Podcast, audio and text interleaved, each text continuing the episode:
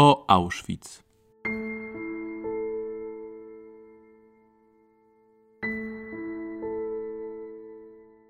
Historia obozu Auschwitz jest niezwykle złożona. Łączył on dwie funkcje: obozu koncentracyjnego i ośrodka zagłady w komorach gazowych. Nazistowskie Niemcy prześladowały w nim różne grupy ludzi, a kompleks obozowy nieustannie rozbudowywał się i przekształcał. W podcaście o Auschwitz mówimy o szczegółach historii obozu oraz o naszej współczesnej pamięci o tym szczególnym miejscu.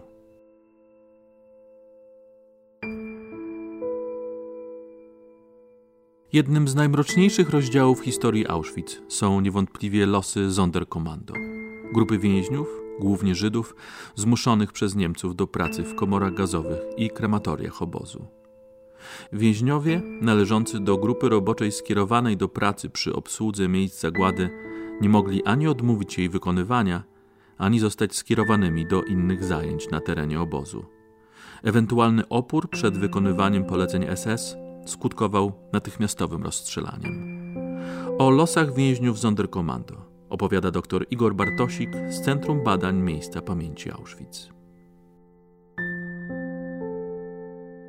Kiedy patrzymy na te ślady historii, które pozostały, bo nie wiemy tak naprawdę bardzo dużo o Sonderkommando przez to, że większość członków tej grupy roboczej zginęła. Mamy ślady, jeżeli chodzi o relacje, mamy ślady w pozostawionych przez nich zapiskach. Co możemy powiedzieć o Sonderkommando z takiego bardziej uniwersalnego punktu widzenia, nie patrząc na chronologię rozwoju tej grupy roboczej, ale w ogóle na ich funkcjonowanie w obozie, życie w obozie i tą ich tragedię. I chciałbym zacząć od takiego pytania, jak to się stawało, że więzień był wcielany do Sonderkommando i jak ten moment zapamiętali też ci byli więźniowie Sonderkommando, którym udało się o tym opowiedzieć. Drogi, którymi ludzie trafiali do Sonderkommando, były różnorakie. Przede wszystkim selekcja wśród nowo przybyłych do Auschwitz. Odbywało się to w ten sposób, że na rampie wybierano tych nadających się, zdaniem lekarza SS, do pracy w obozie, a spośród tej grupy już na terenie obozu, z reguły bardzo szybko, to jest kwestia kilkudziesięciu godzin, kilku dni, dokonywano kolejnego przeglądu i kierowano się przede wszystkim wyglądem fizycznym, tężyzną. I w ten sposób ci ludzie byli wybierani do Sonderkommando. Po prostu kierowano tam tych, których uznano za na tyle silnych fizycznie, żeby tej pracy podołać, bo dźwiganie kilkudziesięciokilogramowych czy ponad 100 kilogramowych ciał do spalenia w dołach kremacyjnych czy w piecu było pracą ciężką fizycznie, pomijając ten aspekt psychologiczny, psychiczny.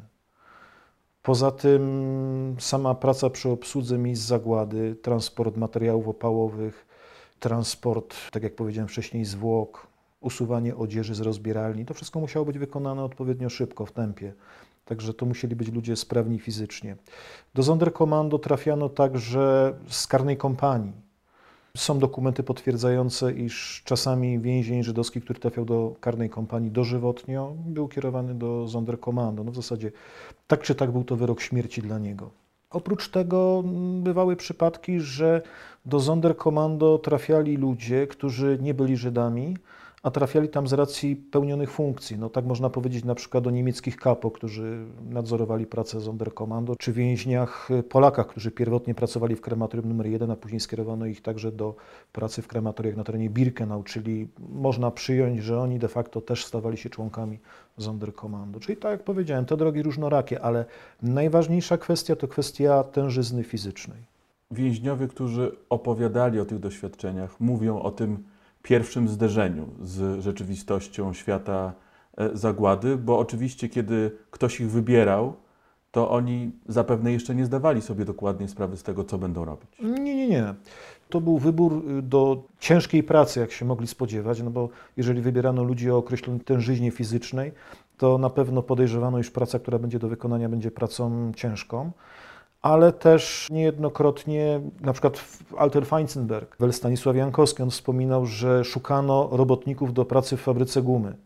Czy na przykład y, szukano ludzi do pracy gdzieś, y, gdzie potrzebna była tężyzna fizyczna. To tam się czasami w relacjach tych więźniów Sonderkommando pojawia, że przy selekcji była taka pogłoska pomiędzy nimi, że szuka się ludzi do ciężkiej pracy, ale z drugiej strony ta ciężka praca niejednokrotnie dawała nadzieję, że będą jakieś większe dodatki żywnościowe, no i szansa na, na przetrwanie, no bo przydatność władzom obozowym, SS, Niemcom, no, była w jakimś sensie może nie gwarantem, ale na pewno czynnikiem, który teoretycznie mógł sprzyjać przetrwaniu. Natomiast jeżeli chodzi o samo zderzenie się z pracą w krematorium. Oni tak na dobrą sprawę dowiadywali się o tym dopiero albo na miejscu pracy, kiedy doprowadzano ich po selekcji następnego dnia do pracy na terenie miejsc zagłady. Ewentualnie tak jak na przykład mój przyjaciel Henryk Mandelbaum, on się dowiedział o tym, że będzie pracował przy spalaniu zwłok jeszcze tego samego dnia wieczorem. Po selekcji na odcinku kwarantanny w Birkenau został doprowadzony razem z kolegami do baraku numer 13 w sektorze męskim. No i tam, kiedy weszli już na ogrodzony dziedziniec, kiedy weszli do baraku Sonderkommando, no to już koledzy ich uświadomili, że będą pracować przy spalaniu zwłok. To jest taki moment, w którym też takiego człowieka w pewnym sensie łamano, bo to jest praca niezwykle wymagająca fizycznie z jednej strony, mhm. ale i e, ten szok psychiczny był ważnym elementem tej inicjacji. Czy była jakaś praca, którą zwykle więźniowie musieli wykonywać na początku, żeby wejść w Sonderkommando, czy to nie miało znaczenia? Spotkałem się z różnymi relacjami. Na przykład jeden z więźniów skierowanych, y, greckich, skierowanych do pracy w Sonderkommando w maju 1944 roku, on mówił, że pierwszy dzień, kiedy przyprowadzono ich do krematorium, kazano im się tylko przyglądać. Z innych relacji wynika, że praktycznie od początku pobytu na terenie miejsca zagłady zmuszano ludzi do pracy przy transporcie zwłok, czyszczeniu komory gazowej czy jakichś innych czynnościach związanych z masową zagładą. Odpowiedź na to pytanie, jak wyglądała ta adaptacja psychiczna do sytuacji, jest poza zasięgiem naszego zrozumienia. Jak zatem było zorganizowane Sonderkommando? Jakie funkcje musieli spełniać więźniowie w procesie zagłady prowadzonej w obozie, jakie były podziały wewnątrz samego Sonderkommando, co wiemy o tragicznej pracy, którą musieli wykonywać, tej strasznej pracy, którą musieli wykonywać. Niewątpliwie podział na poszczególne zadania wewnątrz Sonderkommando istniał mógł wynikać równie dobrze z przypadku, jak i z y, jakichś predyspozycji poszczególnych jednostek. No, do czego zmierzam? Przykładowo człowiek, który wcześniej pracował jako mechanik, jako palacz, mogło się tak zdarzyć. To wiadomo, że on był predystynowany na przykład do wykonywania prac przy obsłudze pieców krematoryjnych. Ludzie, którzy byli najsilniejsi, byli predystynowani do transportu zwłok. Z tym, że wydaje mi się na podstawie relacji ocalałych więźniów Sonderkommando, że raczej nie było czegoś takiego jak duża specjalizacja w wykonywanych czynnościach. Owszem, ci, którzy utrzymywali temperaturę w piecach krematoryjnych, ludzie, którzy na przykład zajmowali się przetapianiem metali szlachetnych, grupa, w której był Nyszli, która zajmowała się sekcją zwłok w krematorium numer dwa, to owszem, ci stanowili jakąś tam powiedzmy grupę, nazwijmy ich umownie fachowców, specjalistów od wykonywanych prac. Natomiast z tych relacji, które się gdzieś powiedzmy pojawiały na ten temat, wynika raczej to, że do takiej pracy jak czyszczenie komory gazowej, wynoszenie odzieży z rozbieralni po zamordowanych osobach, czy do transportu zwłok, obcinania włosów czy wyrywania zębów, tutaj wielkiej umiejętności fachowych nie było potrzeba. Bardziej tutaj odgrywała rolę pewna solidarność, która była wśród więźniów Sonderkommando. Znowu odwołam się do wspomnień Henryka Mandelbauma. On mówił, że ciągnąć zwłoki jest ciężej niż obcinać włosy, a obcinać włosy jest ciężej niż wyrywać złote zęby, mostki ze zwłok ludzi pomordowanych. Dlatego sami więźniowie Sonderkommando solidarnie dawali sobie zmianę w tych pracach. Mandelbaum wspominał o tym, że kiedy widział, iż koledzy, którzy transportują zwłoki na upale, są spoceni, zmęczeni, zziajani, no to po prostu po jakimś czasie oni szli do lżejszej pracy, na przykład sprzątania komory gazowej, a ci, którzy do tej pory sprzątali pomieszczenie, zastępowali ich w czasie transportu zwłok. Także tu można mówić o tym, że owszem, bywały takie prace, które były już y, wyspecjalizowane, gdzie powiedzmy zastąpienie więźnia było trudniejsze, ale przy tych prostych pracach, czysto fizycznych, to tutaj raczej następowała taka naturalna rotacja i zmiana taka, żeby po prostu jak najlepiej wytrzymać to fizycznie. Gdybyśmy mieli wymieniać, co należało do zadań więźniów Sonderkommando? No to też zależy od miejsca, w którym oni pracowali, bo inny był podział pracy na terenie bunkrów, czyli tych prowizorycznych komór gazowych y, Czerwonego i Białego Domku, bunkra 1, bunkra 2, a inaczej to wyglądało na terenie krematoriów, a na terenie samych krematoriów też to różnie wyglądało. Inny był podział prac na terenie krematorium 2 i 3, gdzie można powiedzieć, że praca była, złe słowo, ale ono tutaj akurat oddaje sens, zmechanizowana w dużym stopniu, a inaczej to wyglądało na przykład przy krematorium numer 5 w 1944 roku w czasie zagłady Żydów węgierskich oraz getta łódzkiego, gdzie praca tak na dobrą sprawę przypominała bardzo te działania, które były wykonywane przez Sonderkommando na terenie bunkrów. Więc zacznijmy może od tych krematoriów bardziej nowoczesnych, krematorium numer 2 i 3. Po pierwsze, obsługa rozbieralni. Polegało to na tym, że więźniowie Sonderkommando, którzy stali na terenie korytarza, bo tak można nazwać tą rozbieralnię, jako pewnym korytarzem, przez który ludzie przechodzą, zdejmują swoją odzież, przechodzą dalej do rzekomej kąpieli, czyli do komory gazowej, więc ci więźniowie są tam na miejscu, mają teoretycznie uspokajać idących na śmierć, pomagać ludziom, którzy są niepełnosprawni, osobom starszym w rozbieraniu się. Tu bym chciał poruszyć jedną kwestię, bo niestety ubolewam nad tym, że w świadomości historycznej bardzo zakorzenił się obraz Sonderkommando ze wspomnień Rudolfa Hessa, gdzie on tam wspomina, że więźniowie Sonderkommando przekonywali idących na śmierć w sposób przekonujący, że czeka ich kąpiel i tak dalej, i tak.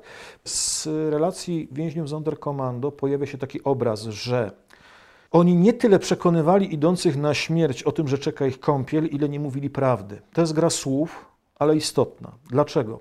Dlatego, że co innego jest skłamać, a co innego jest nie powiedzieć prawdy. Owszem, jeżeli ktoś pytał, co nas czeka, to oni mówili, że idziecie się wykąpać, idziecie do łaźni ale wątpię, ażeby tutaj te wspomnienia Hesa, żeby je traktować jako absolutnie miarodajne i takie pełne, oddające cały obraz tragizmu sytuacji. To jest taka dygresja odnośnie więźniów, którzy są w rozbierani. Po przejściu ludzi do komory gazowej, po zatrzaśnięciu gazoszczelnych drzwi, ich praca polegała na tym, że musieli wynieść rzeczy, które zostawały w rozbieralni na zewnątrz, załadować nawozy, na ciężarówki, to było dalej odwożone do magazynów Effektenlageru, czyli potocznie tak zwanej Kanady. Kolejna grupa to grupa, która obsługuje komorę gazową. Po zabiciu ludzi trującym gazem, po wywietrzeniu pomieszczenia, w przypadku krematorium 2 i 3 ta wentylacja odbywała się mechanicznie, otwierano gazoszczelne drzwi, Pierwsza praca, którą wykonywali ci ludzie, polegała na tym, iż spłukiwano wodą pod ciśnieniem ciała z wszelakich nieczystości. No a następnie starano się rozplątać stos ciał, no i stopniowo tych ludzi transportować do windy, która była tuż obok komory gazowej i przewozić na poziom parteru, gdzie znajdowały się piece. Tam znowu grupa, która te ciała transportowane z części podziemnej po pasie mokrego betonu transportuje do poszczególnych pieców, następnie strzyżenie włosów, usuwanie złotych zębów, mostków, no i praca przy załadunku samych ciał. Następna grupa to grupa więźniów Sonderkommando, która usuwa popioły. Popiół z pieców był wygarniany do takich metalowych skrzyń, one były wynoszone na zewnątrz i w określonych miejscach znajdowały się punkty, gdzie te niedopalone kości były rozdrabniane za pomocą takich drewnianych tłuczków, przesiewane przez sita, no bo ten proch musiał być jak najdrobniejszy. No i następnie był składowany na terenie krematoriów, w takich tymczasowych dołach, a później transportowany najczęściej do Wisły. Tam były te popioły po prostu zrzucane, w ten sposób pozbywano się śladu po zamordowanych.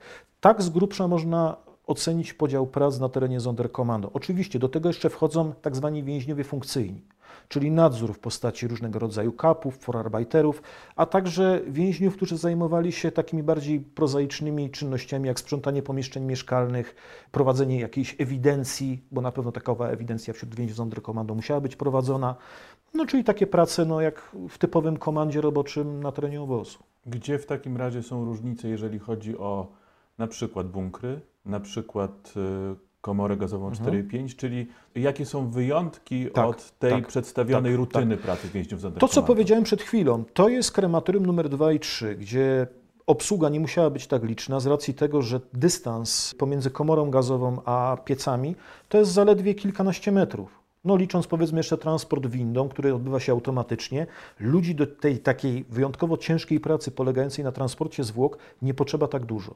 Natomiast kiedy rozpatrujemy pracę przy bunkrach, czyli czerwony, biały domek, bunkier 1, bunkier 2 oraz przy krematorium numer 5, szczególnie w 1944 roku, to proszę wziąć pod uwagę, iż praca przy rozbieraniu się ludzi, czyli w rozbieralni, czy na tym placu przed krematorium, przed bunkrami, gdzie ludzie zostawiali swoją odzież, wygląda bardzo podobnie jak w rozbieralni krematorium numer 2 i 3. Sprzątanie pomieszczenia komory gazowej wygląda także podobnie, ale całkowicie inaczej wygląda kwestia transportu zwłok do masowych grobów czy później do dołów kremacyjnych. Jest do pokonania dystans kilkudziesięciu czasami metrów. Ciągnięcie czy transport tych zwłok, bo przy bunkrach, czyli prowizorycznych komorach gazowych używano do transportu także kolejki polowej. To wszystko są czynności, które pochłaniają znacznie więcej czasu, a także wymagają znacznie liczniejszej obsługi. Ja mogę tylko powiedzieć, że jeżeli chodzi o krematorium 2 i 3 w 1944 roku, w czasie największego nasilenia akcji zagłady, czyli transportów Żydów węgierskich, pracuje w krematorium 2 i 3 łącznie około 180 osób. Natomiast przy obsłudze krematorium 5, czynnego wówczas, gdzie spalano ludzi w dołach kremacyjnych, oraz jednej z prowizorycznych komór gazowych, czyli Białego Domku, pracuje około 600 ludzi. Czyli to jest już, widzimy, że znacznie, znacznie więcej. Po prostu ten transport zwłok to wymagało wyjątkowej siły, no i to była najcięższa praca i najbardziej czasochłonna. Czy więźniowie Sonderkommando mieli jakieś zadania poza terenem krematoriów? No jeżeli przyjmiemy, że transport pożywienia, który się odbywał na teren krematoriów, no bo oni odbierali z kuchni kotły, na przykład z zupą obozową i wozem dowożone były na miejsce zagłady, no to to jedynie w ten sposób możemy ocenić pracę, jakieś tam powiedzmy czynności wykonywane poza miejscem zagłady. Ale nie ma ich na rampie, oni Nie, nie, nie, nie, są podczas selekcji absolutnie. transportu, oni dopiero stykają się ze skazanymi na zagładę w momencie, kiedy oni wchodzą na dziedziniec, czy to w pobliżu bunkrów, czy na dziedziniec e, już krematoriów i komór gazowych. Dokładnie tak. Obszar pracy Sonderkommando zaczyna się od wejścia na dziedziniec krematoriów 2 i 3, na obszar krematorium 4 i 5 oraz na terenie bunkrów. Wcześniej oni nie są oni obecni ani na rampie, ani przy przyjmowaniu transportów, chociaż Szlomo Dragon wspominał, że jeżeli ktoś szedł do krematorium numer 5, Podobnie pewnie było do innych miejsc zagłady. I na przykład zasłabł po drodze, czy nie był w stanie tam dojść, to wysyłano więźniów Sonderkommando, żeby tą osobę donieść powiedzmy na teren krematoriów miejsc zagłady. To takie przypadki mogły mieć miejsce. Natomiast nie było to jak gdyby z urzędu, że oni musieli być obecni na rampie przy przybyciu transportu. To po prostu obsługiwało część komanda efektem Lager, czyli Kanady. Gdzie w pracy Sonderkommando obecni są SS-mani, obecni są Niemcy, bo tak naprawdę, kiedy patrzymy na te kolejne punkty operacji zagłady, to właściwie większość takiej fizycznej pracy, która była potrzebna i to jest też ta e, perfidia tego systemu zorganizowanego przez SS tak naprawdę, wykonują ofiary. Dokładnie tak. Tych SS-manów, którzy nadzorowali miejsca zagłady, było stosunkowo niewielu. To była kwestia kilku osób na zmianę.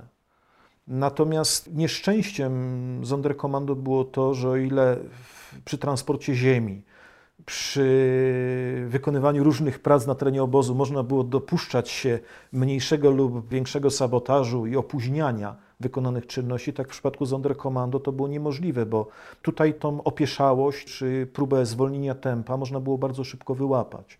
W przypadku więźniów Sonderkommando, no tutaj nie było najmniejszych złudzeń, że jeżeli ktoś próbowałby sabotować takie działania, no to był od razu rozstrzeliwany. Także ci ludzie ginęli, jeżeli tylko SS-mani dopatrzyliby się jakiejś najmniejszej próby spowolnienia tempa zagłady. Wydaje się, że właściwie jedyną funkcją SS-manów, jeżeli mówimy o procesie zagłady, jej kolejnych etapach, jest y, wrzucenie cyklonu B do komory gazowej. No, jeżeli chodzi o wrzucenie granulek cyklonu do wnętrza komory gazowej, to wykonywała to inna grupa, bo to byli tak zwani SDG, czyli Służba Pomocnicza Sanitarna. To byli ludzie, którzy byli przeszkoleni do operacji wprowadzenia cyklonu tak do komór dezynfekcyjnych, jak i do komór gazowych. Natomiast ten stały nadzór, jeżeli chodzi o krematoria, to są SS-mani, którzy tam mają przydział służby, jest ich w zależności od tego, czy jest to zmiana dzienna, czy nocna, czterech, pięciu. Mają podzielone pomiędzy siebie siebie zadania i przede wszystkim ich nadzór polega na tym, że pilnują, żeby ta praca odbywała się rytmicznie. Jeżeli widzą, że są jakieś opóźnienia, to oczywiście przyspieszają pracę poprzez terroryzowanie więźniów, oczywiście rękami funkcyjnych, bo sądzę, że niewielu tych SS-manów było aż tak ambitnych, w cudzysłowie, żeby samodzielnie używać kija, chociaż takie przypadki też zapewne się zdarzały.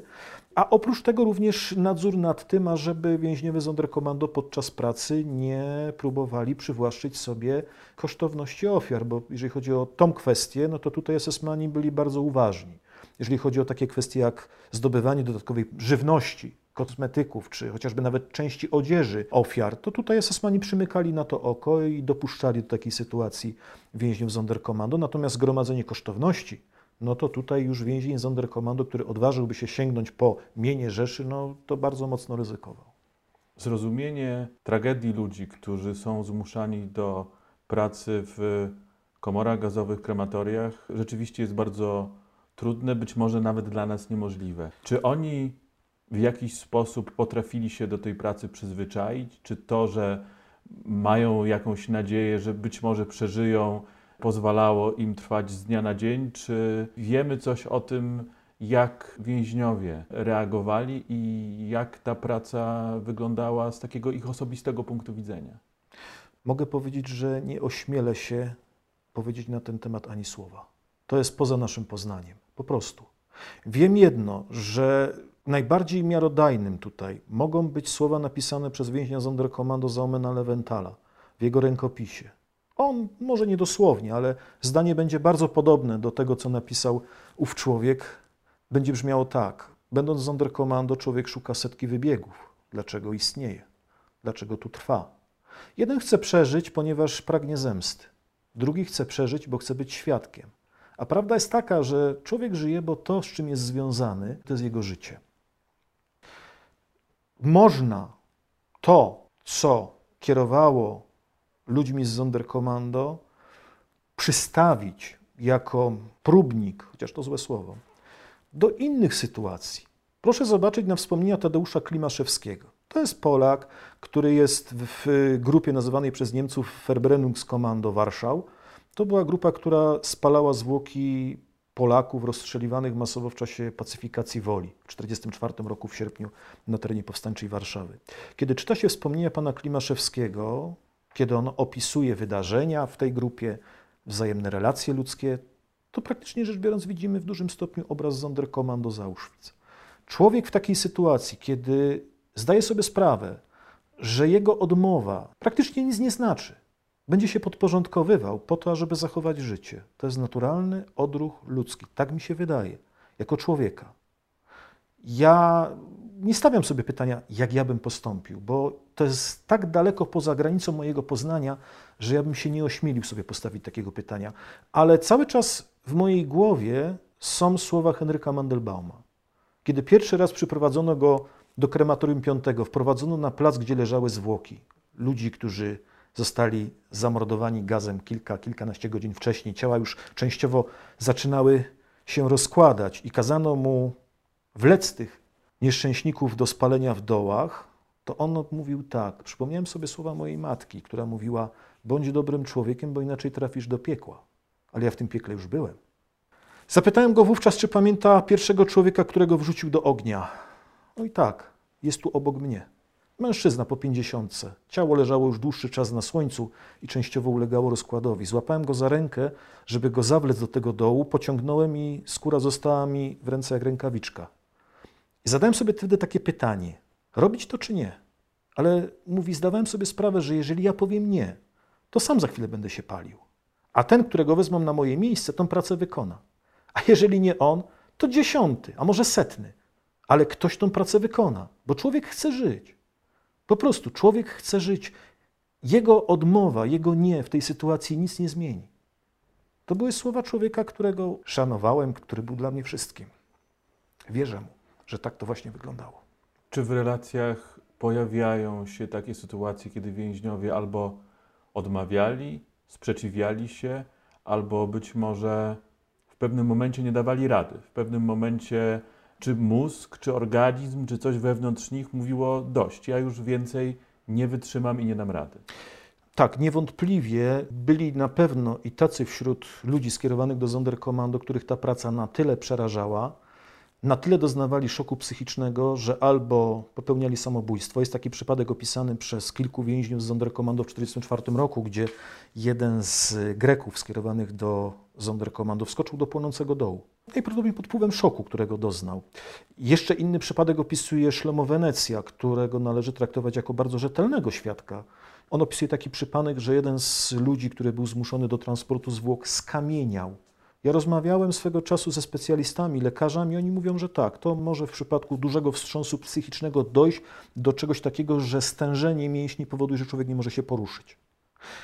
Z wspomnień ludzi, którzy byli dłuższy czas w Sonderkommando, na przykład Henryka Taubera, też wynika taki obraz, że ci, których skierowano do pracy, jeżeli nawet wytrzymali jeden czy dwa dni, to pod wpływem szoku psychicznego w którym momencie załamywali się i albo przestawali tą pracę wykonywać, niejako narażając się na śmiertelny strzał ze strony SS-manów, bądź próbując odebrać sobie życie. Aczkolwiek wbrew pozorom tych przypadków samobójstw, z relacji przynajmniej tak możemy wynieść, aż tak dużo nie było.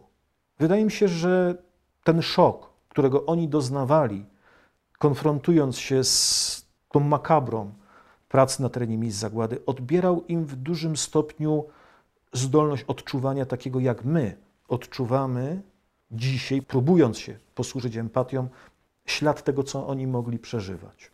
Myślę, że tutaj w dużym stopniu decydował o ich postawie instynkt przetrwania. Po prostu zwykły instynkt przetrwania, wola życia. Mówiliśmy o pracy więźniów Sonderkommando, ale ten ich dzień był podzielony na dwie części: praca i oni cały czas byli więźniami obozu, mieszkali w odizolowanym baraku. Jak zatem wyglądały warunki życia więźniów Sonderkommando w obozie? No oczywiście, jeżeli chodzi o dzień pracy w Sonderkommando, to też musimy wziąć pod uwagę, że inaczej wyglądały y, dni, kiedy przychodziły masowe transporty i ich natężenie było bardzo duże. I praktycznie każdy dzień to były kolejna wielotysięczna rzesza ofiar a inaczej wyglądało to w okresach, kiedy następował taki, no, nazwijmy to, przestój w pracy krematoriów.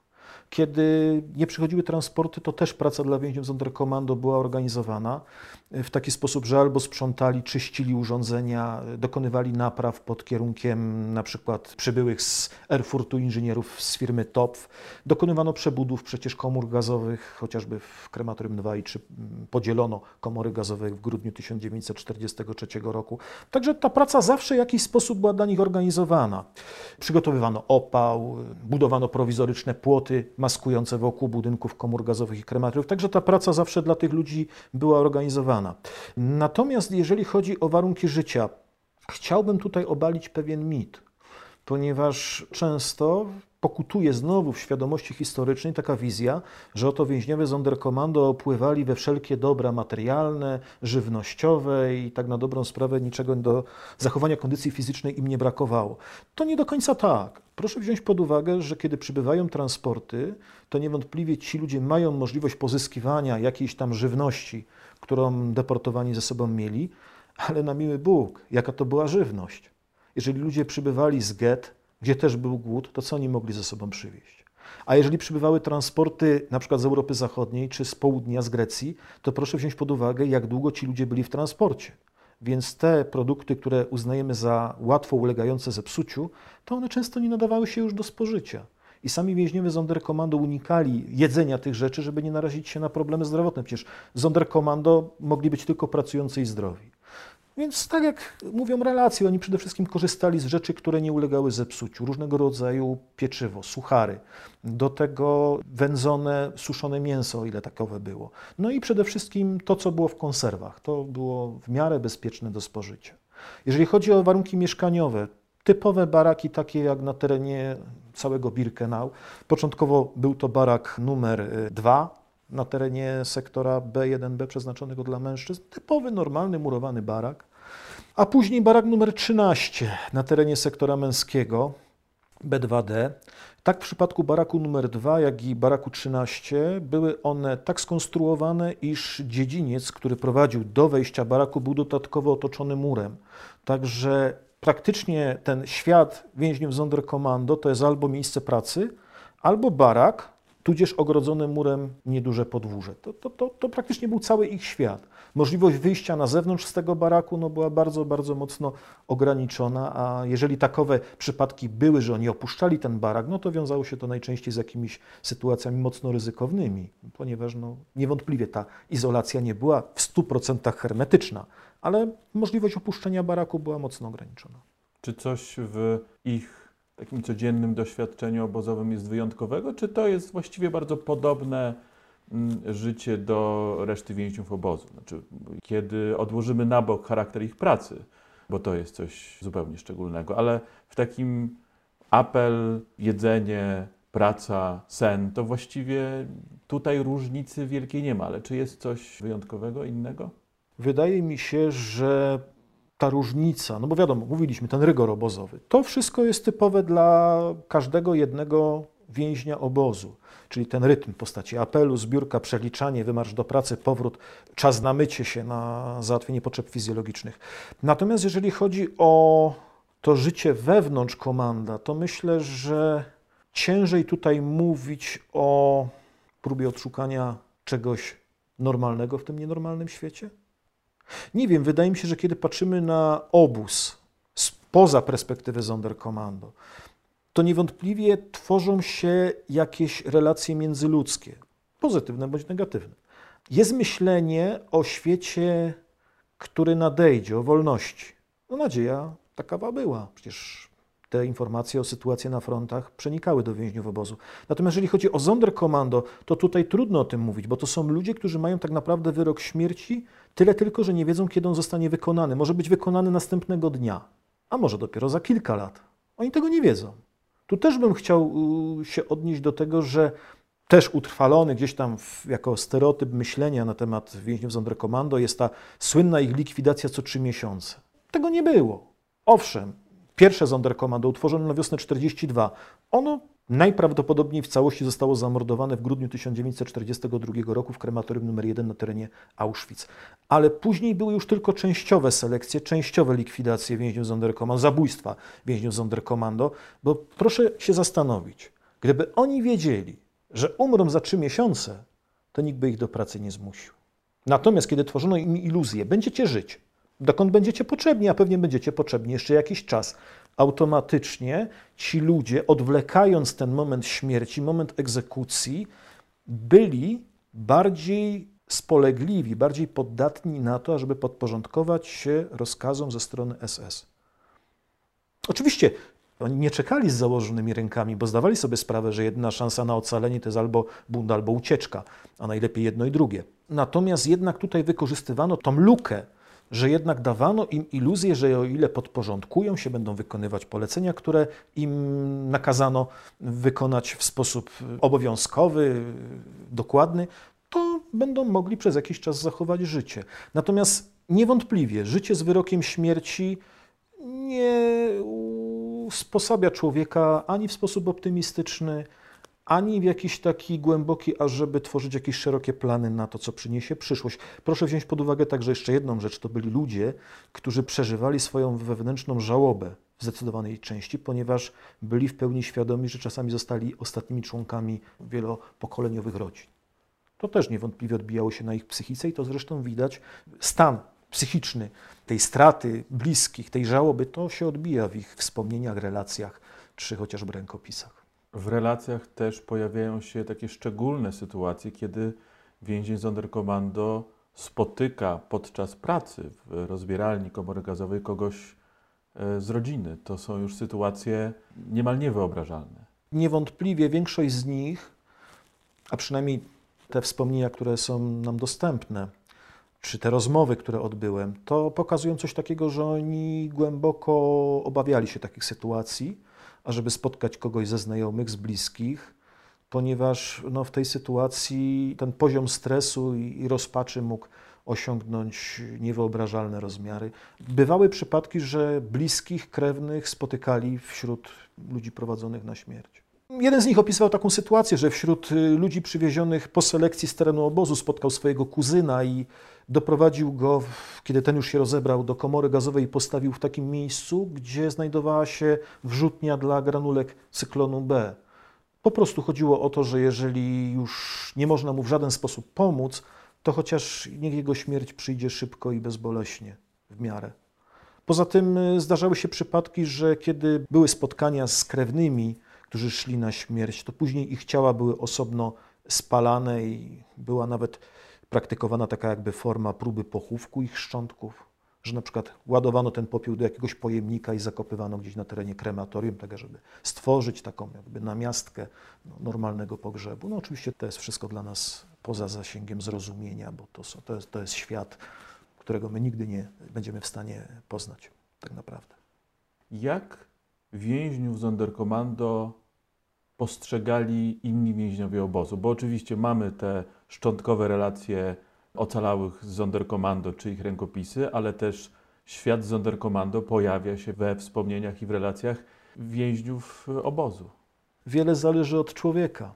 Pan Tadeusz Paczuła, którego miałem okazję osobiście znać, były więzień Auschwitz. On w jednym z filmów dokumentalnych powiedział tak, że nie znajduje słów, ażeby wyrazić współczucie wobec tych ludzi, których wyrwano z normalnego życia i wtrącono od razu na samo dno piekła. Oczywiście zdarzały się wśród y, niektórych więźniów oceny bardzo, bardzo krytyczne i nie chcę być źle zrozumiały, ale w mojej ocenie nieco niesprawiedliwe wobec więźniów Sonderkommando. Ale generalnie rzecz biorąc, ludzie, którzy mieli pełen ogląd sytuacji w obozie, raczej starali się wobec więźniów Sonderkommando zachować pozytywną neutralność i unikali jakichś ciężkich oskarżeń pod ich adresem, jakoby współpracowali z SS i tak dalej. Zastanówmy się tak nad tym. Każdy tak na dobrą sprawę więzień, który był w szponach SS, był na terenie obozu, on tak naprawdę pracował dla obozu i pracował dla SS. Ci ludzie, którzy wznosili krematoria, ci, którzy tam pracowali, mam na myśli więźniów, też wykonywali polecenia swoich przełożonych. Czy komando Kanada, które wyjeżdżało na rampę, które ładowało i sortowało bagaże po osobach zamordowanych, nie wykonywało poleceń SS? Cały obóz, tak na dobrą sprawę, był przymuszony do pracy dla realizacji planów i pomysłów SS. Różnica polegała tylko na tym, że jeżeli chodzi o Sonderkommando, nikt tam nie zgłosił się dobrowolnie do tej pracy, przynajmniej ja nie znam takiego przypadku, i po drugie, to byli ludzie, którzy z całą pewnością zdawali sobie sprawę z tego, że są skazani na śmierć, że od tej pracy ani już nie ma odwrotu, ani przejścia w inne miejsce, ani ocalenia. Taka jest różnica i to jest właśnie ten tragizm Sonderkommando. Wspominaliśmy o tym jednak, że naszą wiedzę o świecie Sonderkommando opieramy również na relacjach więźniów ocalałych. Czy patrząc na tą niewielką liczbę historii, bo tych ocalałych było bardzo niewielu, czy po pierwsze wiemy mniej więcej, ile osób przeszło przez Sonderkommando, ilu więźniów mhm. tam trafiło, ilu ocalało i czy wśród tych ocalałych widać jakiś sposób, który umożliwiał przetrwanie Sonderkommando, bo to się wiąże z tym ostatnim mhm. okresem istnienia obozu, likwidacją obozu, więc oni podejrzewam mieli dosyć podobne doświadczenie tego, jak można było przeżyć po zakończeniu zagłady. Przez Sonderkommando przewinęło się najprawdopodobniej od 1500 do 2000 osób. Ta liczba może być troszeczkę wyższa, ale przyjmuję, że to, co możemy tak w miarę udokumentować, biorąc pod uwagę te selekcje, które miały miejsce i o których wiemy, wydarzenia, które miały miejsce i rzutowały jakiś tam powiedzmy sposób na liczebność Sonderkommando, przyjmuję, że to jest taka liczba od 1500 do 2000 osób. Ocalało ich około 100 i co determinowało o przetrwaniu Sonderkommando? Oj, bardzo wiele czynników. Po pierwsze, staż. Chciałbym tutaj jeszcze nawiązać do tej kwestii, bo wspomniałem przed chwilą o tym, że nie było czegoś takiego jak permanentna likwidacja wszystkich więźniów Sonderkommando co kilka miesięcy. Spośród wyselekcjonowanych do pracy w Sonderkommando w grudniu 1942 roku przeżyło kilkadziesiąt osób, co najmniej. To są ci ludzie, których ustaliłem, że oni przeżyli. A przecież wiadomo, że nie mamy pełnej listy ludzi, którzy przez Sonderkommando przeszli czy ocaleli. To jest pierwsza rzecz. Druga rzecz. Niewątpliwie staż, bo Sonderkommando było traktowane przez SS także w sposób racjonalny, wbrew pozorom i to dodaje takiemu, powiedzmy tutaj, tragicznego wymiaru.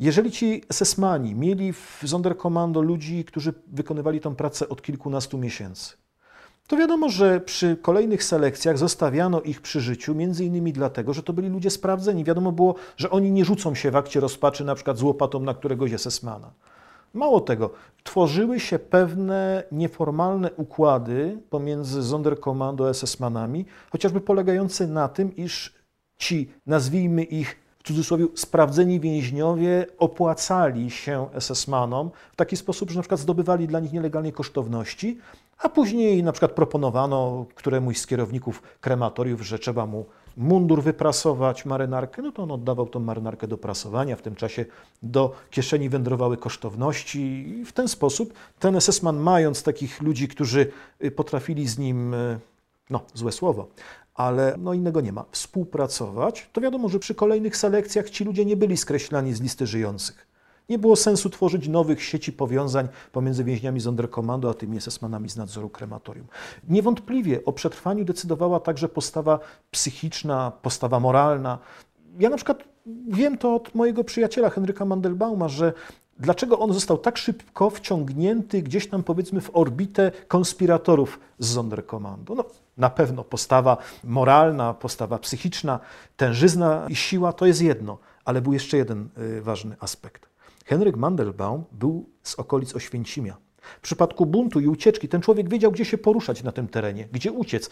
Znał ludzi, można było się ukryć, więc wiadomo, że tacy konspiratorzy chcieli mieć w swoich szeregach kogoś, kto w przypadku buntu i ucieczki będzie ich przewodnikiem, czy kimś, kto może ich pokierować w tym terenie. Czyli to są bardzo różne czynniki, a poza tym po prostu, tak jak w przypadku większości więźniów w obozie, po prostu szczęście.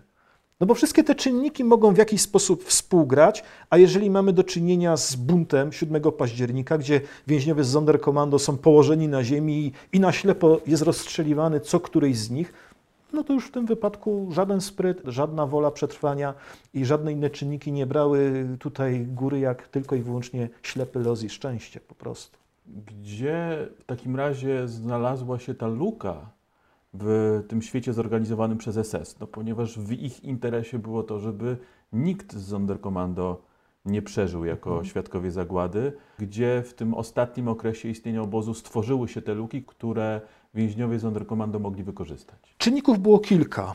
Pierwszy czynnik był taki, że ewentualne zabicie tej ostatniej żyjącej jeszcze grupy więźniów Sonderkommando, mówimy już po ostatniej selekcji w listopadzie 1944 roku, zostaje setka ludzi na terenie obozu, 70 z nich pracuje przy rozbiórce krematorium 2 i 3, 30 jest oddelegowanych do pracy przy spalaniu zwłok krematorium numer 5. Zabicie tej setki osób wymagałoby jakiegoś specjalnego polecenia, podjęcia rozkazu. Sami więźniowie Sonderkommando o tym mówili. Chętnych do wydawania takich rozkazów pod koniec 1944 czy na początku 1945 roku wśród esesmanów było coraz mniej, bo oni zdawali sobie sprawę, że wkrótce z podjętych decyzji y, być może trzeba będzie się tłumaczyć. Więc to jest pierwsza kwestia. Druga kwestia to niewątpliwie zamieszanie w ostatnich dniach sprzed ewakuacji Auschwitz. Mamy grudzień 1944 roku. Setka więźniów Sonderkommando przebywa nadal na terenie Auschwitz. Te ostatnie dni istnienia obozu, 16, 17, 18 stycznia 1945 roku. Ta grupa Sonderkommando, nazywana wówczas Abruch Kommando, czyli komando rozbiórkowe i krematorium numer 5, zostaje z nieznanych dla mnie powodów dokwaterowana do jednego z baraków, gdzie przebywają tak zwani zwykli więźniowie. I w momencie, kiedy rozpoczyna się ewakuacja, to oni wychodzą z obozu razem z pozostałymi. Czyli już nie jako osobna grupa Sonderkommando, tylko po prostu jako jedna z grup więźniarskich. I ten, czy to przypadkowy, czy nieprzypadkowy, raczej przypadkowy zbieg okoliczności, zadecydował o tym, że oni po prostu zostali wyprowadzeni z obozu i, i zniknęli w tłumie. Domyślam się, że po pierwsze brakowało odważnego, w cudzysłowie, SS-mana, który podjąłby decyzję, tych ludzi należy zlikwidować a po drugie właśnie to, że dokwaterowano ich do jednego z baraków, gdzie przebywali normalni więźniowie obozu. No i w ten sposób Sonderkommando jak gdyby zniknęło w tłumie. I dzięki temu większość z nich ocalała później. Sonderkommando znika w tłumie i chyba na wiele lat znika z takiej świadomości historycznej i właśnie wtedy tworzą się te mity, że Sonderkommando współpracuje, że to byli ludzie, którzy pomagali. Przez wiele, wiele lat oni też nie chcą mówić o tym doświadczeniu, to chyba zaczyna się znacznie później po wojnie. Oprócz może jakichś przypadków przy procesach, ale wydaje mi się przynajmniej, że taka świadomość tego, czym było Sonderkommando i to nasze dzisiejsze zrozumienie tej grupy ludzi, to nie jest czas natychmiast po wojnie.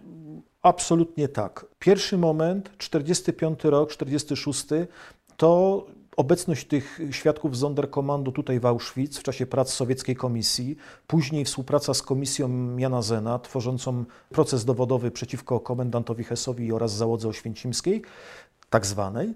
I po tych latach ci członkowie Sonderkommando znikają tak na dobrą sprawę z pola widzenia świadków, badaczy. To Sonderkommando gdzieś jest obecne, ale ono jest na drugim planie, a później wręcz ci ludzie znikają. I pierwszy powrót do Sonderkommando, do ludzi z Sonderkommando, jako do świadków, to są lata 60. To wynika z tego, iż jest próba odnalezienia i opublikowania rękopisów stworzonych przez Sonderkommando w Auschwitz. To jest ten czas lat 60. Zaczynamy wreszcie, jako my, powojenni, poznawać relacje z serca piekła. Wspomnienia Gradowskiego, Lewentala, innych więźniów Sonderkommando zostają przywołane. Natomiast lata 80., także film Shoah, gdzie występuje jeden z świadków Sonderkommando, Philip Miller, powoduje, że my zaczynamy tymi ludźmi się interesować jako historycy, a później, kiedy zaczynamy ich poznawać, tak jak w moim przypadku, zaczynamy się nimi fascynować. Bo to byli ludzie nieprawdopodobnego charakteru, nieprawdopodobnych przeżyć i nieprawdopodobnego myślenia, jakie te przeżycia w nich sformułowały. Ja mogę to powiedzieć na przykładzie tego mojego przyjaciela Henryka Mandelbauma, tej, tej relacji znajomości. Nigdy już nie spotkam takiego człowieka jak on. Chociaż będę spotykał być może jeszcze wielu bardzo wartościowych ludzi ale on był jeden, jedyny w swoim rodzaju. Człowiek, który przeżył taką traumę, któremu odebrano tutaj rodzinę, którego zmuszono do najgorszej pracy, jaką możemy sobie wyobrazić, z karą śmierci wydaną zaocznie. I ten człowiek wychodzi z obozu jako człowiek kochający ludzi, kochających świat, kochających całe otoczenie. O wielkiej sile emocjonalnej, moralnej, który nie boi się niczego i nikogo, nawet śmierci, mimo że widział ją tak masowo na własne oczy. Chciałbym, żeby ludzie czasami wczytali się w te wspomnienia więźniów Sonderkommando, bo one pokazują jedną rzecz. Człowiek zwycięża wszystko. Nawet tak straszliwą zbrodnię i przemoc. I zachowuje człowieczeństwo. Jest w stanie zachować człowieczeństwo. To jest taka nauka dla potomnych, wydaje mi się, z historii Sonderkommando, którą możemy wyciągnąć.